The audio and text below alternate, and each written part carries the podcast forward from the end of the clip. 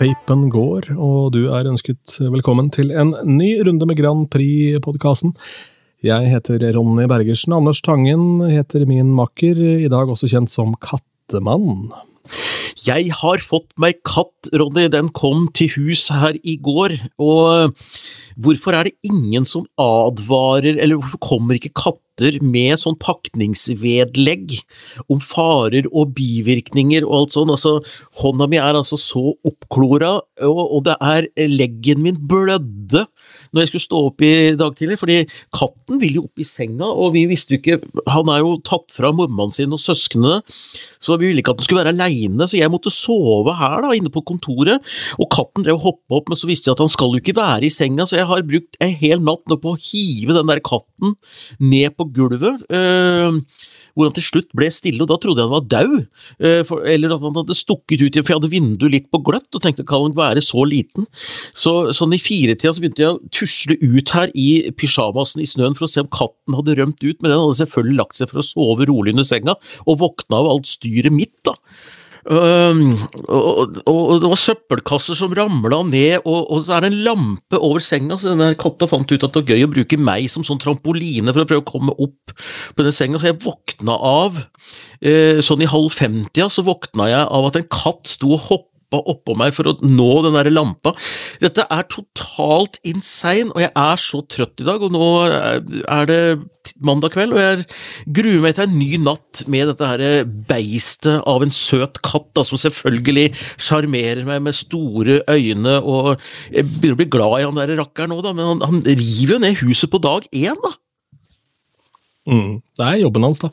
Og så tenker jeg, hvis vi skal ta et sånn eh, forsiktig anslag, altså kanskje 20-25 av Norges befolkning har katt eller har hatt katt. Så sjansen er stor for at du kan spørre noen du kjenner om hvordan, hva bør jeg tenke på. Ja, jeg skal gjøre det, men jeg må innrømme at vi, vi, har brukt nettet litt til det, og det er ikke alltid lurt, for der er det mye skvatt gale kattedamer og kattemenn, eh, så det er mye tusseladdråd å få der ute også, eh, hvor du er liksom ja, råd, hva gjør du med katt i seng? Liksom, nå er det ingenting som er så koselig som en katt som ligger ved siden av det, men denne katten har jo klør, og de er ute når den skal leke med leggen min, så, så, så, så begynner den å blø. Det er jo ikke noe kos, det. Så, men vi, vi vi, holder på. Du er, er, ikke redd for at du har fått en vampyrkatt som liker på en måte da, altså blodet? Altså at det er noe ja. Jo, det kan godt være. I så fall er det en sånn sånn eh, sjarmør-vampyrkatt som eh, bare lurer deg til å tro at den er så snill og søt, da, for det, det er den jo. Men eh, ja. ja han ligger og sover borti senga her nå, se. Ja holdt jeg på å gå inn i en historie om en gang jeg var på halloweenfest og prøvde å få meg en dame som var utkledd som Catwoman hjem, men det kan vi ta siden, føler jeg. Okay. Uh, ja. Men uh, skal vi se, navnet på denne pusen var igjen? Puffen! Puffen, ja. Puffen, ja. ja. ja. Og så, Dere kommer nok til å bli venner til slutt. Uh, alternativt så får du lage en sånn en liten, uh, liten uh, voksenopplæringsfelle som min venninne ufrivillig lagde da hun rengjorde akvariet. Hadde tatt av toppen av akvariet, uh, og så skulle katten bruke akvariet som en trampoline videre opp i noen hyller, for å så da havne oppi det vannet. Det var katten veldig lite klar for. Så da var det da altså et firsprang ut av ville helvete for å da komme seg ut av det akvariet. Så da var det ikke oppi der å røre noe mer. Så det er en mulighet. da. Ja, ja, nei, men det, det, det Og så vil jeg ikke bli han der som legger ut kattevideoer hele tida heller, men, men, frekvensen begynner å bli urovekkende høy. Eh, jeg er allerede oppe i seks videoer på én helg. Eh, vi måtte jo legge ut en TikTok-video om hvordan Bane Nor egentlig funker, fordi at vi hadde et togsett som katten syntes var gøy, da. Så festa vi et lite bånd på det lokomotivet, sånn katten sto og holdt igjen det der toget, så da var det bare å legge ut på TikTok da her ser du Bane Nor i arbeid. Eh, så det var jo gøy. Ja, ja, Det er bra. det er bra. Og det var jo tross alt kattevideoer som starta YouTube i sin tid. Det var jo, De første videoene som ble publisert på YouTube, var jo katten til, til vedkommende som starta det hele. Så du er jo i så fall lovlig sent ute, må være lov å si, men du er jo allikevel på et eller annet vis på ball, da. Ja, jeg er eh, Du skal ikke beskylde meg for ikke å være trendy, i hvert fall. Det, her henger vi med. Her jeg sitter okay. med portvinen min. Du, apropos trendy. Skal vi gyve løs på de tre låtene? Eller altså delfinale én, egentlig. Du var i salen litt bekymra i forrige uke for hvordan det kom til å bli med eh, datteren din eh, og det hele. Det gikk fint? Det gikk kjempefint, bortsett fra den der gjengen fra Umami Tsunami-fansen, blant annet med låtskriver Carl Henrik Wahl, som satt foran oss med svære plakater. Det er den eneste grunnen til at jeg ikke kom på TV en eneste gang med glitterjakka jeg hadde på meg, og datteren min ikke heller, og det var ganske rett bak plakaten til Carl Henrik Wahl. Så det, det var koselig. Nei da. Ja, det, var, nei, det, var, det, var, det, var, faktisk veldig koselig å sitte i salen der, selv om vi ikke kom på TV. Eh, Maria er jo mye mer fornuftig enn meg, hun sa at hun ville ikke på TV, sa hun. Eh, ja, det blir lett, sa jeg, når du sitter sammen med papaen med sånn paljettjakke, liksom. Eh, ja. Det gikk fint. Det er betryggende at ikke du hadde solgt inn at nå skal vi stikke og se på Grand Prix, for nå kommer du på TV, jenta mi. At ikke det, var innsalget, at det på en måte var showet som var gøy. Det, det var betryggende. Nei, det hadde jeg ikke blitt med, eh, for hun er ikke så veldig opptatt av dette her. Det er jeg som tar med det i familien her. Eh, det er du som er bjellesauen. Ja, ja, ja. Men det var veldig koselig å være i dette bitte, bitte, bitte lille studio. Jeg vet ikke hvor de, hvor de gjør av propsene som skal opp på scenen. Sannsynligvis er det et budfirma som er veldig nøye, at det er veldig nøye logistikk på at det kommer og leverer props til det ene nummeret, og så kjører en annen budbil ut. For der var det ikke mye plass til mye, altså. Men det så jo så svært ut på TV, og det var veldig koselig. For jeg satt eh, to seter ved siden av Kevin Haugan, og så hadde jeg ved siden av meg så hadde jeg en sånn bimbo-influenser av en type med sånn spraytan-lår, som satt på mobilen gud hjelpe meg hele tida, og sånne fillers i leppa. Jeg ble også fascinert av henne og tenkte ja ja, jenta mi, altså til min sjuåring, da. Så tenkte jeg at kan du se. Uh, men hun var koselig, hun også. Det var alle slags folk, og artistene kom rett inn ved siden av meg der, for det, det, det er jo trangt, ikke sant, så det, de så du. Green Room så du, og du kunne hilse på Stian Torbjørnsen før han gikk på, og Nei, det var, det var veldig koselig, altså. Hvor mange publikummere vil du anslå at det var til stede her? Da, Nei, Det er ganske nøyaktig 250.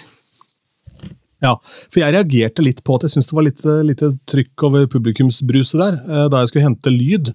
Eh, til mm. eh, noen innslag, for jeg har eh, laget da, intervjuer med både Alessandra og Umami Tsunami for P1. Og da hentet jeg da ikke sant, 'Den som går videre', bla, bla, bla, ikke sant, til Trondheim.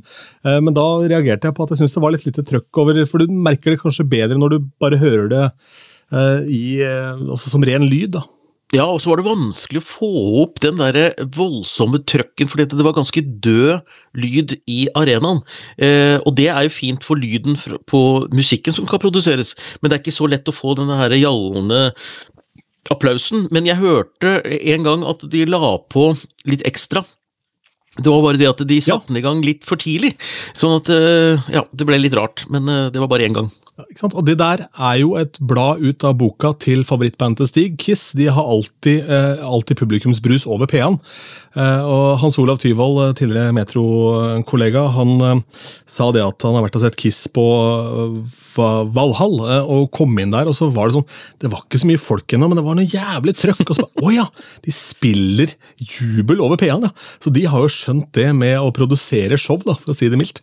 Det har Stig fått med seg litt også. Så nei, det var ikke noe selvfølgelig under låten. Han drev med det en periode også, men det har han gått bort fra. Så jeg tror det låt bra på skjerm og i sal, alt dette her. og og Det var ganske lett å høre, syns jeg, eh, hvem som hadde autotune og ikke. Altså Tresko var jo autotune, eh, selvfølgelig, og Tsunami Umami Nei, Umami Tsunami eh, var også autotune, så veit ikke om det var litt på Alessandra der også. Men eh, Ulrikke sa at hun hadde hørt sin versjon, sin låt, med ultra, med autotune og uten autotune, og hun sa at uh, selvfølgelig var den med autotune teknisk sett bitte litt bedre, men nerven og sjelen var litt borte, da. Så formidlingen mm. syns hun ble borte der. Så det er uh, Men det er egentlig går an å høre det, gjør det ikke det?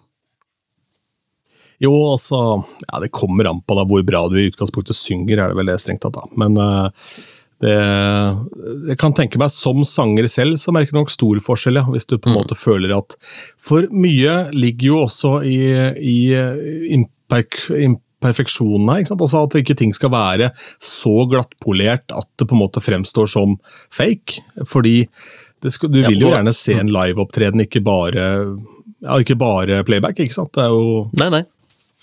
Men det er noen låter som egentlig godt kan være litt fake, og det gjør ikke så mye. Altså Den Tresko-låta, for eksempel, den er en sånn produsert låt, så det, det er gøy. Jeg skal forresten i studio 8. februar og synge med autotune på en låt jeg har laget sjøl, så da, da, skal jeg spørre om jeg kan få uh, ja, prøve med og uten autotune. Det gleder jeg meg veldig til. Uh, vi skal legge ut link til låta, selvfølgelig, når jeg har sunget den. Men uh, ja. Ja, jeg vil gjerne ha to, to, forskjellige versjoner også av det, eller om du tar bare en annen låt, om du tar Jahn Teigen eller et eller annet med autotune og uten. Det hadde vært gøy å høre noe sånt. Ja. Ja. Eh, men um, la oss eh, ta de som gikk videre. Er du enig? Uenig? Var det, de, var det tre ja. verdige delfinalister? Ja, jeg syns det. Jeg syns Umami Tsunami overraska meg med så bra sceneshow og en sånn voldsom energi. så Det var den jeg var litt usikker på. Alessandra eh, vant seg veldig på sceneopptredenen sin. Jeg, hadde ikke den som favoritt først, men så når hun sto framme der, og hadde lagt til dette litt sånn sakrale greiene helt i starten der, eh, så syns jeg låt jeg ble invitert inn i låta på en litt annen måte. Så jeg syns at uh, hun leverte og var supersjarmerende og energisk, og for ei dame, som Halvdan Sivertsen ville sagt det. Så jeg Nei, veldig, veldig bra. Ja, Ulrikke var jo litt sånn åpenbar, men det var jo noen jokere litt nedover der, føler jeg, men uh, absolutt verdig vinner. Og Jeg har prata med begge to i dag for, for NRK, og uh, den med Alessandra ble sendt til Kveldsåpent i den praten ble sendt i dag, da denne podkasten spilles inn, mens uh, Umami Tsunami sender jeg da under min egen sending i morgen. Og det må jeg si var veldig gøy, da, fordi der snakket jeg med han Kyle fra Umami Tsunami. Eh, og um, det var jo en veldig trivelig type. Og jeg hadde jo da i oppgave i dag, som en del av redaksjonen til Kveldsåpent, å intervjue da Alessandra og, og Umami Tsunami. Men problemet her var jo at uh, det ikke jeg tenkte på, var at Umami Tsunami er jo barn, så de er på skolen, selvfølgelig. Så det måtte gjøres da egentlig etter arbeidstid. Passa bra for min del i dag. Alessandra var jeg nok litt streng mot, for jeg måtte liksom pushe henne og så måtte jeg ta det kortet og si at dette her er faktisk NRK KP1, her hører folk på, så må du stille opp. Men hun er jo ikke mer enn 20, så hun er student. Hun går jo på, går jo på Limpi. Så, så, jeg fikk litt dårlig samvittighet, men det ble veldig god stemning etterpå. da. Men uh, han eh, Kai ja. han leverte ordentlig bra i det intervjuet. Skikkelig jovialt og fint. Var meganervøs på forhånd, men shit, for en, eh, for en eh, fin utstråling. Og vi fikk et lite skup også, men du sa han kom bort til bordet til, til Bobla også? I, i bobletreffet?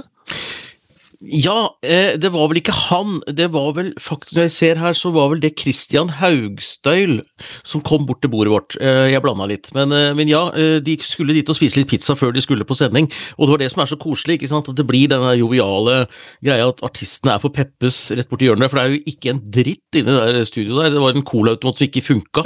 ja. Så det var det. Det er herlig. Det blir litt som å booke Sølvguttene. Da er det sånn rideren består av, av en hyggelig dame slash jente som kan koke pølser. og, og, brus.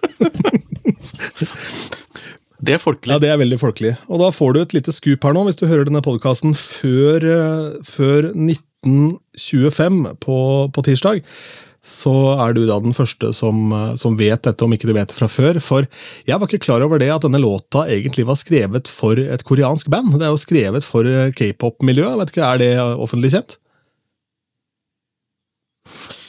Nei, ikke noe utover det at jeg hadde en livestream på EC Norge med Carl Henrik Wahl, som er en av låtskriverne her, som sa at den var også skrevet til et dataspill som skulle brukes i, i Kina en gang. Uh, og om det var et K-pop-band som da skulle spille den, det vet jeg ikke, men den var i hvert fall kom på tredjeplass i en konkurranse om å eh, være låta i dette ganske store spillet. Ja, for Den er visst noen, noen, år gammel, ifølge han Kyla. Og så var det sånn at eh, de har forsøkt å pushe den mot, mot koreanske popband, altså K-pop k-pop-miljøet, og så var det ingen der som var noe sånn kjempeinteressert i den låta. Det blei aldri noe av, og så lå den på en måte på is.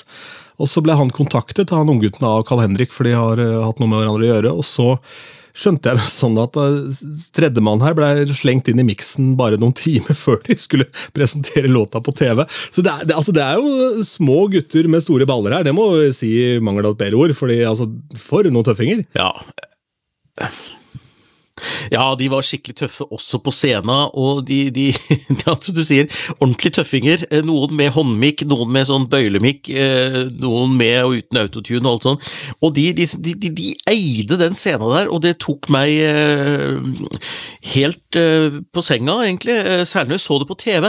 En ting var å se det i salen, da, da, da så du egentlig bare noen som hoppa og sprått litt der, men når du fikk det på skjermen, og så blikket deres og Nei, vi skal nok se mer til disse gutta her, tror jeg. Uh, vet ikke hva slags kjemi de har seg imellom, men uh, sånn utover dette. Men på scenen var det i hvert fall veldig sånn boyband-kjemi, da, nemlig at du gjør din greie, jeg gjør min greie, du gjør tredje, og greier vi å se på hverandre av og til, så er det fint, men det er ikke så farlig egentlig, bare du gjør din greie og jeg gjør min, og det tredje gjør sin. Så funka det, det. Da kler man jo en stor scene, og det er viktig i Melodi Grand Prix-sammenheng. Kommer til å komme enda bedre fram selvfølgelig i Trondheim Spektrum, hvor det er en svær, gigantisk produksjon, og en ordentlig svær sal også, full av folk. Og det var jo det var jo også et av de beste gledesbrølene jeg har hørt i mitt liv. Jeg skal hjem. Jeg skal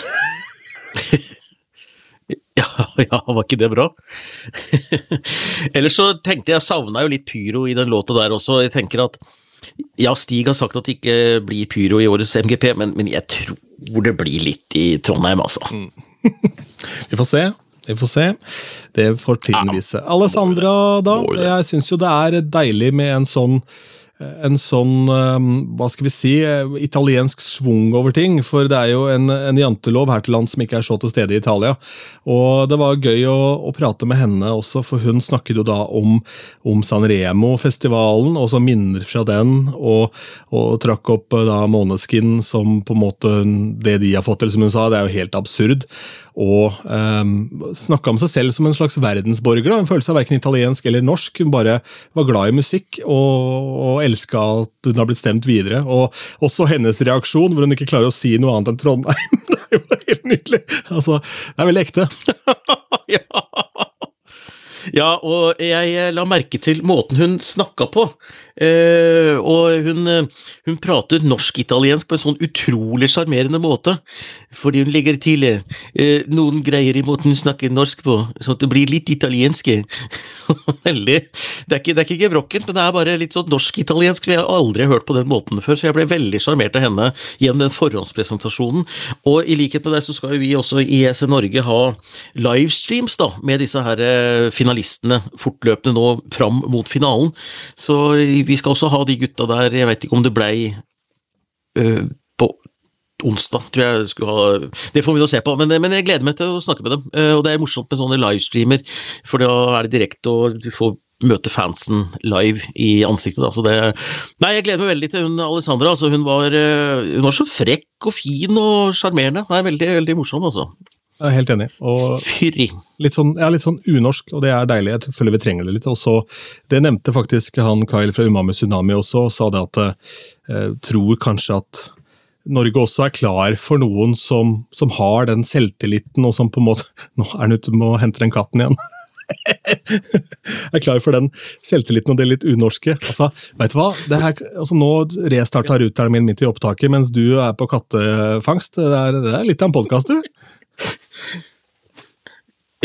Ja, katta, katta drev ute og gnage på noe uh, utstyr. Uh, Samboeren min er fotograf, så Helt, helt vill i blikket. Helt vill i blikket. Så, ja. og det er deilig. Ok. Ja, det er Kattemannen. Kattemannen er vill i blikket. Det er deilig å høre. Vi, uh, det er ikke noe ekstrasjanse eller noen sånn sistesjansen sånn i år, er det det? Det er ikke meninga det, men, men, jeg eh, begynner å lure litt på om NRK har noe lureri på lur. Eh, fordi at uh, ni låter i en finale er så rart. Mm. Så har det kommet noen overraskelser. Skulle ikke forundre om de plutselig kommer siste uka med en sånn derre overraskelse. At det er plass til en til. Jeg vet ikke. Ja, en time vil show. Jeg syns bare det er litt rart med ni låter. Det er bare et eller annet der. Mm. Ja, absolutt. Ja. absolutt. kan være enig i det. Skal vi gyve løs på denne ukens buffé, da? Det kan vi gjøre. Eh, det blir jo spennende med eh, litt annerledes profil på denne semifinalen. Eh, jeg tenkte umiddelbart dette er den svakeste ute fra kortversjonen av låtene, og så fikk jeg høre låtene, så steig det jo noe. Men jeg holder nok fast på det at NRK har på en måte fyrt av litt krutt i starten, og så har de gjemt noen godbiter til siste, og så er det litt hvileskjær i midten, men riktignok med én en enorm sviske midt i, da, eh, i denne andre semis, som jeg syns er helt fantastisk. Jeg har lyst til å starte med litt elefanten i rommet, hvis man fikk med seg bobletreffet i går. For eh, denne låta til Sandra den gjorde noe helt spesielt med deg, Anders. Ja, ja, det, ja, elefant i rommet. Ja, det, det, det, var, det, slo meg bare Jeg har egentlig ikke gått inn i teksta, men jeg er jo pappa til en sjuåring, og hun sitter jo også av og til med mobilen sin i senga, ikke sant, og, og, og ser på Netflix, da, og skrur på volum og sånt noe. Eh, og ikke det at det kan sammenligne hjemmet, som Sandra synger om, med hjemmet her hjemme, men jeg kunne så fint se henne for meg, og hvor, hvor ille det hadde vært med ei lita jente på sju år som er nødt til å sitte med den der skjermen og lukke seg inn i en sånn drømmeverden fordi det er så fælt det som skjer innafor hjemmet ditt, liksom. Eh, eh, så da plutselig gikk hele denne filmen eh, snurra i huet, så da, da, måtte jeg ta et lite brudd, rett og slett, på boble, bobletreffet. Det var seint, katta var nettopp ankommet, jeg var sliten. Jeg skulle til å si jeg, det, vi får se hvordan det hjemmet ser ut. Etter at Puffen har revet det i filler her i flere uker i strekk, så får vi bare se, da. Ja. Nei, så det, det, det, som slo meg da, var at den låta til Sandra er fin, og den er sterk og alt sånt, men blir den nesten litt for sterk for MGP? Det er det jeg liksom lurer på, om jeg, om jeg, er klar for å gå inn i dette her på en uh, lørdag kveld. Uh, men uh, kanskje. Ja, for det er, Hva tenker du? Det, ja, for det er, sånn det er mange som ser utenfor. på dette over, over lørdagspizzaen sin, ikke sant? og så uh, er det på en måte det som ruller og går på skjermen, og så er det tradisjon å se på det. Og så er dette en låt som kanskje det blir rart å si det også, fordi den har jo alle elementene av å kle en stor scene, men samtidig den skal formidles gjennom TV på veldig kort tid. da. Og ja, jeg er litt usikker, for Det var jo først når du fikk den ordentlig inn i øret at den på en måte grep deg på den måten. Da, sånn, mm. helt tydelig, og Jeg, jeg syns ja, det, det, var veldig fint. Så... Det veldig, jeg liker ekte følelser, det er veldig hyggelig. og Ikke at jeg har tenkt at du var en saltstøtte, men det var, det var jo uansett. Det var, var, mye kjærlighet å få i kommentarfeltet. Nei da, det, nei da, det, det ja, ja, da, det var fint. Det, nei, det gjorde inntrykk, det, men, men jeg tenker jo at at uh, veldig mange hører jo ikke så veldig nøye på teksta. Altså, de hører sangen, og det de da hører er at uh, er dette her sånn lolling, da?' na, na, na, na, na, na, na, na. Det, er det folk sitter igjen med, at dette var da veldig eh, Veldig lite, lite låt, liksom. Ehm, den er jeg litt sånn ikke, Jeg er ikke redd for den, for det, da måtte jeg liksom hatt et eierskap til låta og sånn, men, men, det er det jeg tenker på med den låta, der om får folk med seg historien, og hvor viktig er historien for at låta skal virke, da? Jeg tror at dette er en låt Sandra har behov for å få ut til verden, og at uh, om hun vinner Grand Prix, går videre i Grand Prix, det er ikke det mest viktige her. Det viktigste er at denne låta fikk, uh, fikk sin tid i Altså, ja, fikk uh, sin plass i lyset, og at den kommer ut og kanskje kan bidra til en oppfølgerartikkel i, på et eller annet nettsted, altså på, på, VG eller hva enn det måtte være, som, som da hun er, jo, hun er jo en Jeg vil si at Sandra er en av de fineste influenserne vi har. da, Fordi hun bruker stemmen sin så høyt overfor de som ikke føler at de kanskje har en stemme. Eh, og hun gjør det på en så avvæpnende og fin måte. Så du tenker aldri jeg er ikke like pen som henne, jeg er ikke like uh, god form som henne, jeg har ikke like vakre barn, like vakker mann, eller whatever det måtte være. Hun er sånn dønn ekte tvers igjennom. Så jeg håper og tror at, uh, at det finnes en plass uh, i folks hjerter for den låta her uansett. Og sånn vokser vi på, som sakte, men sikkert. da. Jeg tror egentlig også det, og hun har en sterk standing fra før. Altså Jeg tror at veldig mange, eh, nesten uansett hvor hun hadde framført, så Sandra Lyng er noe som du Da skjerper du oppmerksomheten da, når du følger med på det. Så jeg tror, når du sitter nede i den pizzaen din og er litt sånn Og så hører du Nå kommer Sandra. Å, så er Sandra. Og så at det blir litt den effekten også, fordi man blir nysgjerrig på hva hun kommer med. Ja, Eller så kanskje naboen fikk med seg teksten, og så snakker hun om det, og låta, ikke sant? og så prater du litt om fordi det blir jo sånn water cool moment med Grand Prix uansett om man vil eller ikke. Det er jo en av få ting som man ser live i tillegg til live sport. Ja. Liksom. Så um, Nei, jeg tror det. Ja, Det var bra seertall også i år. Eh, eh, ja. Jeg har ikke sett det. Hva, hva var de? Å ja, det, ja det, det var eh, ganske brukbar oppgang fra i fjor. Det var vel eh, 640 000 seere eller noe sånt nå. Eh, det er jo ikke sånn superkongebra det, men eh, i møte med hver gang vi møtes, så skal man ikke kimse av det. Og at det er en oppgang i disse tider hvor lineær-TV går litt ned, er bra. Ja. Så, eh, Men hver gang vi møtes sesong med Bjørn. Eidsvåg og Ingebjørg Bratland på startstreken, altså det er jo ikke noe småtteri. Det er jo vanvittig til navn som er dratt opp av hatten der i år også. Det er jo et voldsomt bra hit.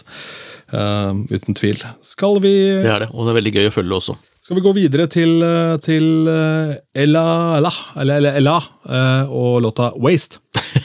Ja.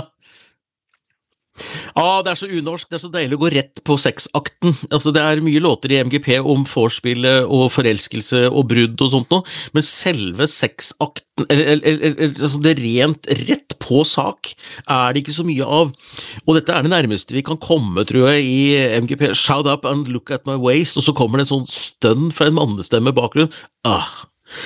Eh, det er eh, det er brasiliansk, for å si det sånn. Brazilian line. Så det er eh, Nei, men hun kom jo med dette her. Jeg snakka med henne faktisk på lanseringa, for hun satt der litt aleine. Så øh, tenkte jeg kan bare gå bort selv om jeg ikke har noe intervju å gjøre og sånn. Og hun var så hyggelig, og så sa hun at hun kom liksom til Norge for å bjuda litt på dette her, hun. Hun syntes at vi trengte dette her, rett og slett. Hun sa det med en sånn overbevisthet at jeg tenkte at dette tror jeg på. Du har lyst til at Norge skal få litt mer av denne her, litt mer kropp og litt mer eh, sensualitet, og gå litt mer rett på sak, da. Så Ja, eller, eller kjør på, tenker jeg, men, men låta er jo ikke for meg. Men, eh, men, fordi jeg er for gammel til å skjønne den. Men jeg syns det er tøft at den er med. du har jo knapt hofter, har du det? Altså. Jeg har hofter, men jeg kan ikke bruke dem. Jeg, som jeg har sagt før, jeg har jo ikke noe kropp jeg kan forholde meg til. Jeg. Eh, Trasser med meg hjelper meg fram og skal gå og sånn. Så vidt det er. Ja. Kommer blod ut av leggen når katten klorer. Ja, Jeg kan ikke ja. gå og forholde Ja, ja, det, det får bare være det. Jeg Men- kan ikke forholde meg til den kroppen. Det, er det, Jeg det, tenker det får bare at være I litt andre enden av skalaen, hvis ikke man ser sånn på det at man på en måte går rett i, rett i, eh, i um, det sensuelle, så tenker jeg også at kanskje her kan det være et litt sånn spark til at i Norge så er sånne ting er litt sånn tabu, mens eh, det, det ligges på TV åtte ganger i uka i en eller annen reality-serie liksom bak en sommerfugl. Det er jo sånn. Altså, hva, slutt å kødde, da. Ja, ja det er sant, det. Og jeg, ja, kanskje det er et budskap der også, selv om jeg, jeg må si at det er lov å være Folkens, eh, artister, bakmenn og, Stig Karlsen og det, det er lov å være med MGP uten å ha en tårepersehistorie bak også. Det er lov å stille med en pen poplåt, that's it. Du trenger ikke å har funnet katten din hengt i garasjen, eller uh, har liksom hatt hjerneblødning, eller uh, brukket beinet før du går på scenen. Eh, Det går an å lage en poplåt og bare framføre den. Jeg ville vil, bare si det. Jeg vil, jeg vil bare si at du har hatt katt for kort tid til å dra opp den hatten der med katten hengt i garasjen, Anders. Det er bare... Unnskyld. Ja. men jeg har lyst til å fortelle en historie fra min egen karriere, for det var jo faktisk akkurat uh, denne type låt var jo karrieredefinerende for meg, for da Shakira kom med Whenever, Wherever, så var det en låt som, uh, som altså brakte fram hoftevrikking på en måte man knapt hadde opplevd før, og på, på en sånn måte som eh, traff på en måte fra by til bygd hele veien. Og da jeg begynte å DJ-e tilbake da, ikke sant, på starten av 2000-tallet, 2002 den låta kom, så var det sånn at de aller fleste DJs likte å spille house og klubbmusikk og trance og Fateless og all den bagen der. Mens jentene satt i ren protest og ventet til hun spilte Shakira og mer sånn R&B-ting. da. Og det var utvilsomt den Ja. låta som var lokomotivet som drev det videre fra den plata hennes Laundry Service der, med den låta, og så fulgte hun opp med La Torture etterpå, som også var en sånn megasexy greie. Eh, så ja, jeg vet ikke. Jeg føler hun er en liten sånn joker i feltet her. eh, Ella. Ella. Ella, ja. Ja. Ja da. Ella. Ella. Ella. ja. ja, absolutt. Og det er, eh, det er i hvert fall mange etterlyser sterkere og tydeligere sjangere, eh, og noen har etterlyst rock, men dette er også en sjanger vi ikke har hatt så mye av, eller vi har vel ikke hatt det, tror jeg, i eh, MGP. Hun kaller det selv for eh, eh, hva er det kaller det? Brasil, Brasilfunk, kaller hun det. Ja. eh, denne, denne stilarten. Så eh, det kan ikke jeg noe om. Det er mer ditt bord, det, da, men det er det hun kaller det sjøl, i hvert fall. Og For meg er det mer sånn clubbing, men eh, det, og det er en sjanger jeg ikke har hørt så mye til. Jo, men altså, hvis du deler inn clubbing, da, så har du på en måte de her, eh, hvor bassen og den suverene rytmen betyr noe sånn sett, mens her så er det da det er på en måte det at det skal kunne vrikkes til, som er det store. Du kan ikke stå rett opp og ned etter dette. Du skal på en måte bevege deg da, på en helt annen måte. og Det skal ha den effekten. Og jeg, jeg syns det var en ganske, ganske kul, uh, kul, låt. altså. Eh, apropos sjangere som ikke vi har vært Jeg lo forresten høyt. Mm. Ja, nei, jeg lo høyt av det der pause... Eh, de hadde en liten filmsnutt eh, i MGP hvor de viste sangerom og danse hvor de ikke fikk lov til å danse. Det var ei som sto og sang om at uh, 'jeg kan shake, jeg kan shake', men hun hadde ikke lov til å shake, for det skulle være musikalske kriterier som lå til grunn for vurdering av musikken. Så skulle de ikke danse, da. Så hun sto jo helt stille, og, og det er veldig morsomt uh, når da den låta her eh, kommer i, dette, i denne settingen her. Absolutt. La oss gå til enda en sjanger som ikke er så veldig hardt representert i, i Melodi Grand Prix tidligere, det er jo da det som kalles for electro swing, som var en sånn megasvær sjanger med en fyr som het Parov Stellar eh, i front fra eh, Øst-Europa en eller annen plass, eller om det var Romania eller så, eh, som eller Ungarn, kanskje, men som i hvert fall hadde en to, tre, fire sånn ordentlig store hits innenfor det segmentet her. Med tung, tung bass i bånn, men med sånn tjuetalls ordentlig gode, deilige sånn ja, funky rytmer, da. Og den heter jo Prohibition, så jeg er tilbake på 20-tallet her. Den er eh, for det første, de gutta der er jo så kule. Eh, folk må gå inn på instakontoen til Swingit, hvor de har lagd swingversjoner av samtlige låter som er med i årets MGP. Da. Eh, det er lagd swingversjon av Ulrikkes Honestly, det er lagd uh, swingversjon av Sandra Lyng sin låt. Så de, de, har jo sittet da ned, de har taget sin tid. Så har de sittet der og lagd noter og arra ut samtlige av konkurrentenes låter. Og i dag tidlig så gikk de rundt på T-banestasjoner i Oslo spilte spilte, så det er liksom blåsemafiaen-oppskriften de følger her, på en måte. da. Eh, jeg tror låta blir litt for jeg syns gutta her er kulere uh, enn låta, på en måte. Altså, den, det, den når ikke helt inn. Uh, det er morsomt med saksofonsoloen og sånt noe, men uh, jeg, det kan hende at folk blir så forelska i dem at de gjerne vil ha noe sånn ordentlig musikk inntil finalen, selv om jeg tror den blir i semien. Jeg tror det, men jeg skal ikke utelukke noe. Ja, nei, Jeg ser på det som en sånn veldig stor joker her, egentlig en sånn nesten dobbeltjoker, fordi det er helt umulig å ignorere. Altså Du kan tenke det er så Sandra og laller, pen jente, men hva er det hun driver med? For hva er dette for en surrelåt, liksom? Jeg går og henter meg en treliter til med vin, eller kanskje ikke en treliter til, men et glass til med vin. En treliter til, ja! Det blir en sånn kveld. Da skal du være nøye når du treffer det stemmevinduet, altså. ja, ja, ja. Um, anywho.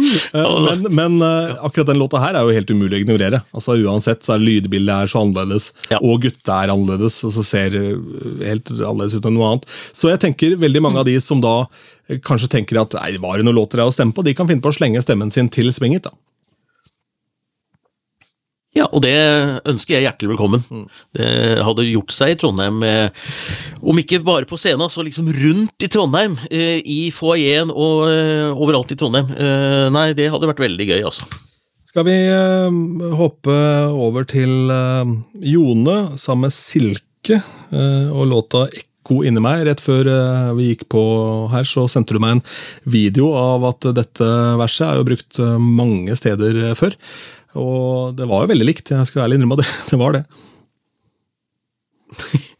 Ja, det er fem-seks låter som uh, har akkurat samme melodilinja som den derre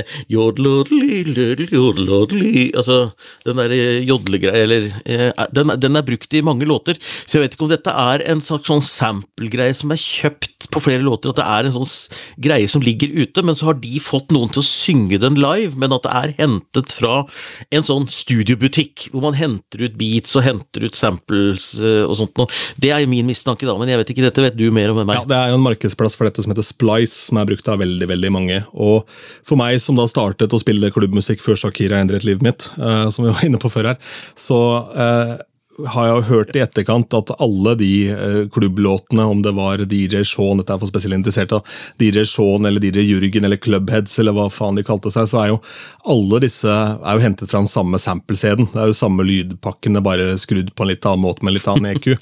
Så det er nok eh, noe sånt som har skjedd der, men eh, det er vel ikke mulig å beskylde noen for plagiat her da uansett. I og med at man har sunget den inn på nytt, så er man jo teorien langt innafor, er man ikke det? Jo, jeg tror det, og så lenge det er ting som er til salgs der ute, så er det litt, litt sånn som å bruke et free picture. Altså det, det er ikke noen åndsrettigheter knytta til dette, skulle jeg tro, så det er helt sikkert problemfritt, uh, sånn juridisk sett. Det andre er liksom om det er uh, heldig i forhold til juryer i en eventuelt Eurovision-finale og sånt nå, å basere en låt på en sånn innkjøpt For det er det de har gjort. altså Det, det er ikke bare i denne jodlinga at denne her melodilinjen går igjen, men den bygger også videre på eh, det vokalisten synger i refrenget her. og sånn, så Det er det bærende elementet, eh, og det tror jeg ikke er så heldig i møte med juryen. Men, eh, men, at det blir noe sånn Jeg orker ikke sånn rettssak og plagiat og sånn, for det er ingen som blir dømt i det. Det er ikke det jeg snakker om her. Det er ikke noe beskyldning mot låta i det hele tatt. Jeg bare syns det er litt gøy å se hvor er det de har henta inspirasjonen sin fra. Du hadde jo det samme med Ray Lee sin låt Wild, som hadde, hadde et riff som var brukt på tre-fire andre låter også, som var kjøpt, da. Og det er jo og så må jeg si, sånn popindustrien er. Ja, og så må jeg si at jeg er mektig imponert over de som da har lagt ut denne videoen på YouTube. Den ligger jo under poden her også, for øvrig. Så kan du gå inn og høre selv, Men de har altså klart å finne denne samperen. da, Dratt opp av hatten i en seks, sju, åtte låter, sånn, og denne låta kom i dag, altså. Ja, men jeg tror de har tatt det ut fra snippletten. Jeg tror ja. videoene ligger ute noen dager. Mm. Men eh, likevel, likevel, ja, men jeg er imponert. De, de, noen har taget sin tid, og de har hatt en slags interesse av å gjøre det. Eh, og jeg, jeg, er blant de som syns det er gøy da, å, å, tenke på hvor har denne låta her hentet inspirasjonen sin fra, og hva er det det ligner på. Jeg syns bare det er gøy, og det plager ikke meg at ting er eh, gjort før, bare du vrir det tilsvarende bra, da, så du lager en ny, bra låt. Jeg, jeg hadde en livestream med Carl Henrik Wahl om, om låtskrivercamper på EC Norge, og da snakka han om det at det er mange økonomiske grunner til at man bruker sånne ting. fordi at uh, Før så måtte du sitte ei uke i studio og leie teknikere og bruke hundretusener av kroner på å lage en låt. Nå skal du kunne gå i studio på én dag, og da bør du ha noen referanselåter. Hvilke låter vil du dette skal ligne på? Og, du, og han, han sa jo det, at det er en musikkindustri.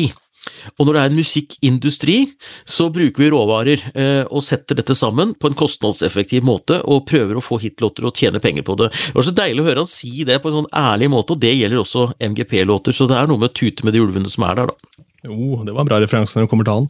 Mm -hmm. ja.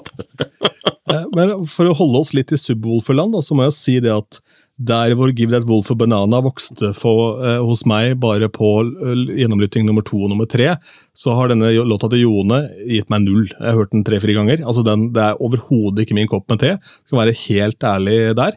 Eh, det kan hende den treffer i sitt segment, og i så fall så er vi litt der hvor eh, de har funnet et utstillingsvindu eh, og får fram denne Jone som en artist som sammen med andre i samme segment kan på en måte fylle sentrum scene. ikke sant? Og så kan han tjene gode penger på å gjøre afterparty og den type ting. Altså, Jeg, jeg veit ikke hva som er tanken her, men jeg syns ikke dette var en bra låt i denne sjangeren heller. Nei, det plager ikke meg at den er med. Jeg syns at den sjangeren skal være med i MGP, selv om det ikke er min sjanger. Men eh, låta gir heller ikke meg uh, verken gåsehud eller danselyst. Eller. Det verste er, Ronny, jeg må bare si det verste med låta for meg er at jeg syns den er kjedelig. Jeg syns det rett og slett er kjedelig. For det går i det samme hele tida. Det er egentlig ikke noe god oppbygging i den heller. Det, det, det er ikke noe utvikling. Det går kanskje bare litt fortere. Men, så det blir rett og slett kjedelig. Det er stusslig når det er litt sånn låta. Syns jeg. Jeg er eh, enig med deg i det. Det som eh, også jeg syns var litt kjedelig, det er Fuego med Alejandro Fuentes. For den har jeg hørt flere ganger før, og nesten ti år tilbake. Ja. Veldig behagelig låt, veldig sånn, sånn behagelig stemme, sånn koselig, som står og surrer og går på reiseradio når du ligger på stranda. Eller du bruker ikke reiseradio, da. I gamle dager gjorde du det. Uh, ja, det er, ja, ja, låta er kanskje fra gamle dager. Uh, nei, jeg vet ikke hva. Den plager meg ikke, men, men jeg syns også den er litt kjedelig. Uh, det er liksom sånn den Ja, det er koselig, men det er ikke noe mer heller. Ja, nei, for Jeg nevnte da på dette bobletreffet du hadde i går, hvor jeg tilfeldigvis var innom. Jeg så bare at du logga deg på, så sjekka jeg inn der. Eh, og, og, da nevnte jeg at den ligner veldig på Bailando med Enrique Iglesias, som da har gått liksom tungt på P, P4. Og jeg syns hooket på en måte er Fuego, Bailando, den og litt sånn på Despacito i starten der. Og så blei det jo en veldig teknisk diskusjon om tempo, hvor mange antall BPM vi var oppi her og sånn etter hvert der. Men ja. eh, der ligger den jo helt rundt 100, var det vel. Så det er jo helt sånn vanlig popmusikktempo. Men nei, det var ikke noe sånn veldig Og i tillegg litt rart at det var den tittelen. Kunne liksom brukt en eller annen linje derfra. Men eh, ja, jeg veit ikke.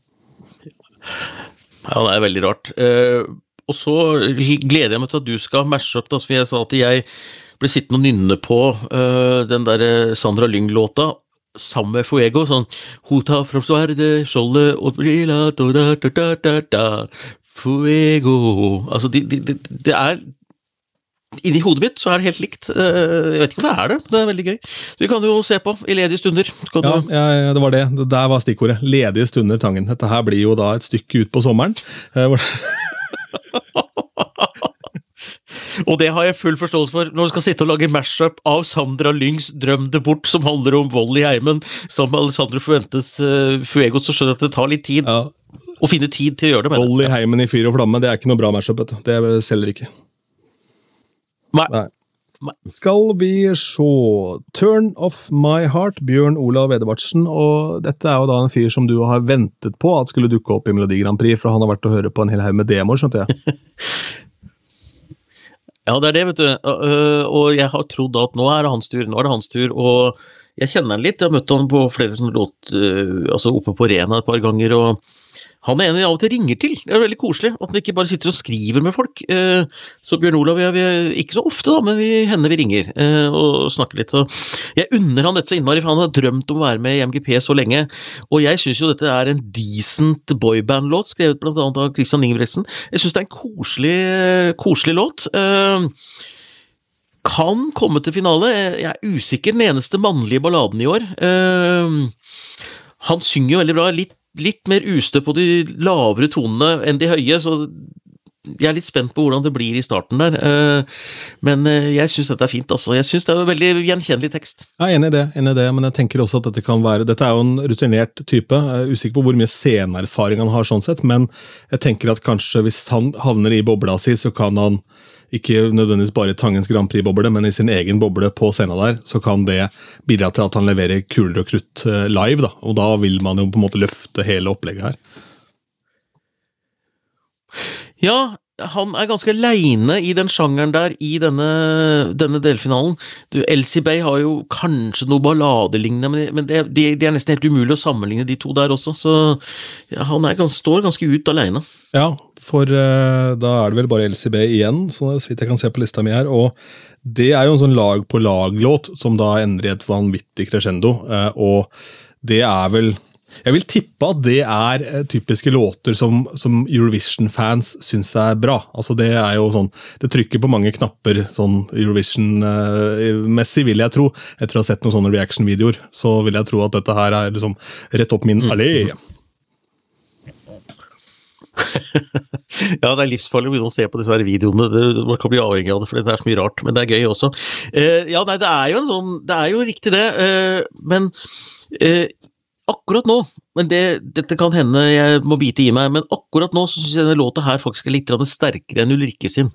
Fordi jeg syns den er bedre bygget opp, fordi øh, jeg bruker samboeren min som referansepunkt av og til, fordi at hun hun har et mer sånn uhilda blikk på Grand Prix og Eurovision-låter, og hun er Ulrikke-fan, så det holder. Hun elska attention og syns Ulrikke blir urettferdig behandla av mange og er veldig Ulrikke-fan.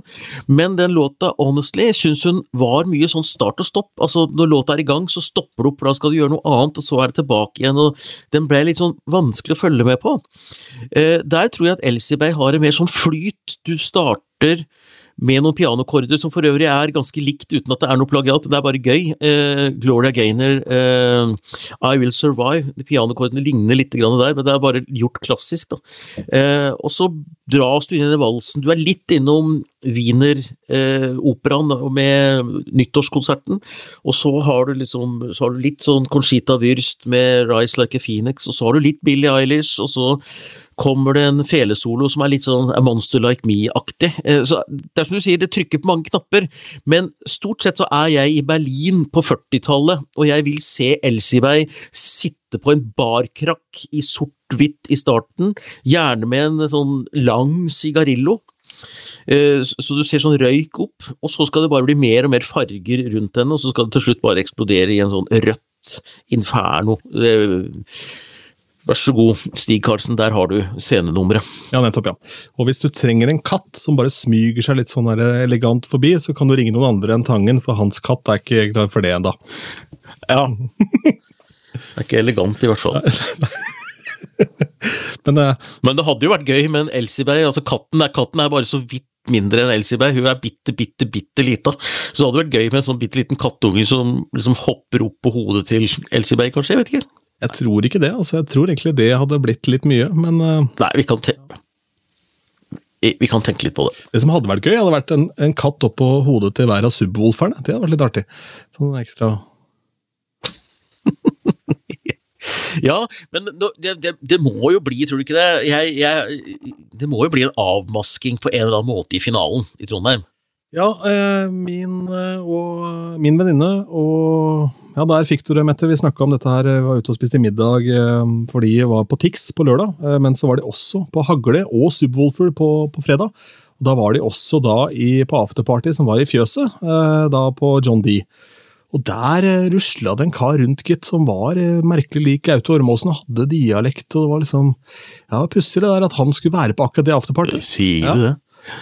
Så ja, nei, han, han, er, han, er, der det skjer, han, vet du. Mm, ja, han er stor fan av hagle, jeg har fått med meg. så det er mulig det. Mm. Men, men, i hvert fall så Ja, jeg tror vel også det. For, men samtidig, da, så er det jo Det fungerer jo da, enda. Altså, De kan jo ri den bølgen herfra til månen, da, så lenge det på en måte er gøy. Og de har jo truffet en nerve blant kidsa, det strømmes jo fremdeles bra. Så ja, jeg ikke, pokker det. Men, men, vil det ødelegge noe at folk vet at det er de to som er inni, eller vil man fortsatt dra og se, liksom altså, De fleste vet jo at Kaptein Kid Han finnes jo ikke, han heller. Altså, Hva mener du? Men folk går jo og hilser på han for det. Hva mener du? Kaptein Kid? Altså, er han fake? Sabeltann òg? Ja. ja. Sunniva er ekte, håper jeg. Det er, det er, mulig at det er jeg som er for kynisk her, altså, men jeg har en følelse av at Kaptein Kid uh, er fake, ja. ja. Har du Tror du på Kaptein Kid? Ja, altså, Skal jeg tro på en kaptein, så må det være Kaptein Kid, i hvert fall. Her, ikke tenk på det. det jo, jeg fortalt denne historien for øvrig om da de booket uh, Fantorangen til Spydberg Rock.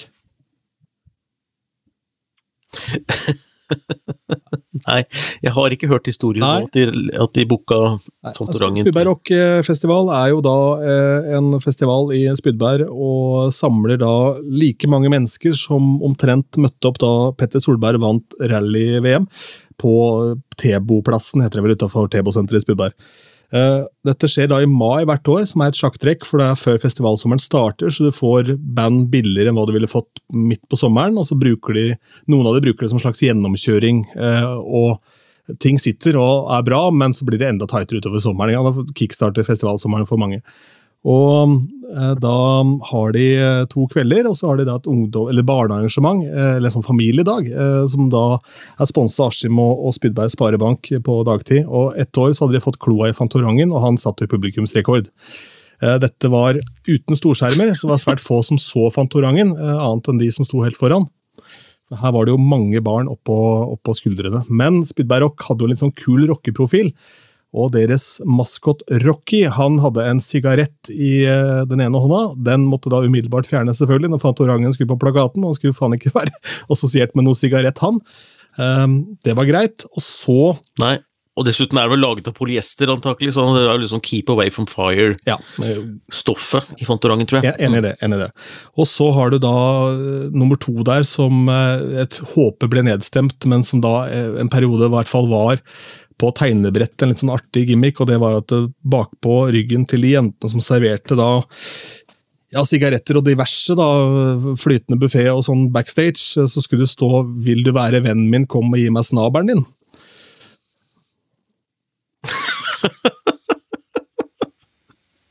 ok. Åh, Østfold. Ja. Jeg, jeg jobba der det året, eh, riktignok bare på kveldstid, men jeg så heldigvis ikke det på ryggen til noen av de jentene, for da hadde det fort eh, vært en VG-forside som kanskje ikke bare hadde vært god PR. Det er fantastisk. Eh, Jeg tror jeg har fortalt det før en gang, men jeg jobba i Kykeli Kokos som den der figuren Saldor, med rar stemme, og dette møtet med Titten Tei, hvor hvor, hvor eh, hvor jeg da var Saldor, og dere sa 'Pass deg, ellers så tenner jeg på deg!' Så, så Saldor liksom, fyrstikk 'Du er ei tredokke!' Og det er, jo, det er jo litt sånn, I dokkemiljøet så er det jo fy-fy at den ene dokka beskylder den andre dokka for å være dokke. Altså du kan, Det er jo på en måte litt sånn der, ja. Ja, jeg ser den. Det var, Saldor fikk jo på en måte ikke den legendestatusen som Titten Tei og Fantorangen har, da, men eh, Saldor har aldri vært med James Bond, ikke sant? Nei, overhodet ikke. Nei. Nei, overhodet ikke. Eh, og han, han ble halshogget på en gjenforeningsfest på Kykelikokos eh, oppe på Hamar. Altså, Fordi- traumene setter Nei, jeg seg. skulle, jeg skulle spille Han var, han var så ja, nei, men han var så råtten, vet du. Fordi jeg hadde ikke spilt på 20 år. Han hadde bare ligget i en gul sekk. Eh, så jeg skulle ta han fram, og der ramla hele faenskapet sammen. Så jeg sto der med bare et hode på slutten der. Kroppen lå ett sted på scenen, og hodet et annet. Altså, nå er jeg oppriktig lei meg. Så- Altså, dette her hadde jo vært det grand finale på en eventuell livepod når vi får satt en dato som passer for alle involverte. At du kjørte saldoer på scenen der. Nei, jeg har, jeg har hodet. Eh, Jeg har. Ja, Det blir ikke noe særlig morbide med bare huet, men det får vi ta når den tid kommer. Nei. Eh, hvem går videre fra dette hit til Tangen? Hvilke tre? Nei, det er eh, Sandra, og så Jone og Elsibey, tror jeg. Det er liksom de som er sånn helt utgangspunktet som man tror mest på. Men så er det en sånn joker Det er en joker med Bjørn Olav, faktisk, altså. Ja. Kanskje Svinget også. Det er, det er litt vanskelig å tippe, for det er liksom ikke Det er ingen av disse som har noen sånn stor fanbase i bånn. Eh, eh, kanskje bortsett fra Sandra, eh, så derfor tror jeg hun er veldig safe, da. Men utover det så så er det faktisk ganske åpent, men jeg tror det blir eh, Jone, Elsibey og, og um, Ja, nå husker jeg ikke. Ja, de tre. Men altså, I Grand Prix-miljøet så vil jeg vel si at Elseberg har en bra standing, altså en bra fanbase i bånn. Ja, det har hun. Men, men, men det, det er liksom, vi er 1500 stykker i eh, Grand Prix-bobla, og, og 500-600 medlemmer i Grand Prix-klubben, og det er liksom litt sånn eh, Og alle har bare én stemme. eh, og ja, det, ja, jeg var jo ute og krangla. Jeg skrev jo bloggen, jeg var jo sinna vet du, på at eh, egentlig så har NRK nekta unger under 13 år å stemme. Fordi eh, du, du, for, du må være 13 år for å opprette profil for å få stemt eh, på NRK. Eh, og det skaper jo bare trøbbel i familien, for alle under 13 får ikke oppretta profil. Da må du finne på profiler. Så min datter Marie hun ble 13 år. hun hoppa fra 7 til 13 på lørdag, og fikk låne pappas e-postadresse, som jeg sjelden bruker, så hun stemte. Og jeg tok absolutt alt jeg hadde av e-postadresse jeg har brukt og ikke brukt, og lagde profiler av en annen verden og satt og stemte som Anders Tangnes, Martin Tangnes øh, eh, og, Marie ble Marie og øh, Ja, forskjellige navn, da. Så kjør på, folkens. Her er det bare å jukse. Det er bare hvis du har en e-postadresse, så kan du lage deg en profil på NRK og logge deg inn. Da kan du stemme så mange ganger du vil. For dette er så ræva opplegg fra NRK at det er bare å jukse på og kjøre på. Så kan barna dine stemme så mye de vil. Vær så god. Tips Ja, gitt. der kommer rebellen fram helt på tampen, det var ikke galt. Det var Dette er han som, som tok livet av Saldor. Altså, ok. Og skulle ta livet av Titten Tei. Jeg forstår, Det er jo mørkt i bånn her. Hæ? Det er ikke rart den katten bærer nag allerede. Hæ?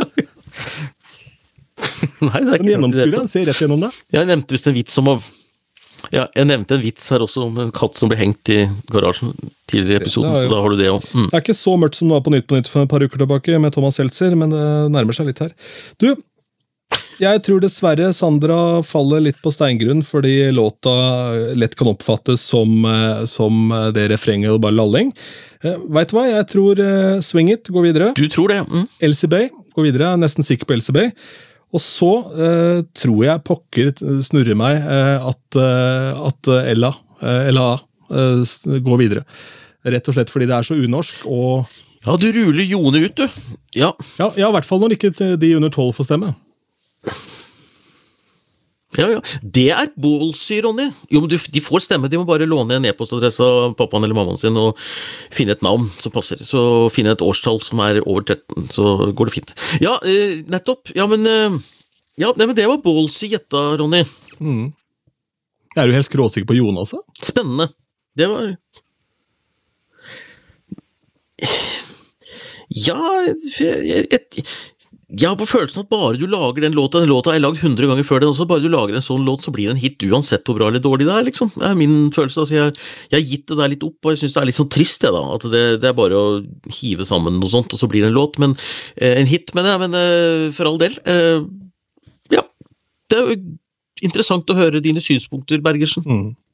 Ja, nei, Det kan jo fort hende at jeg tar feil på den der, altså, men jeg er spent. Og så veit jeg ikke sånn om eh, Jeg husker, jeg hadde jo en kjæreste som hadde en datter på, som var på alderen til din datter da Fredrik Kalas var med, med, med sin låt. eh, der. Ja. Og Field of Rush. ja, Field of Rush. Og da var det jo mye av sjarmen til Freddy også som vant over på en måte, hele lille familien som satt og så på dette.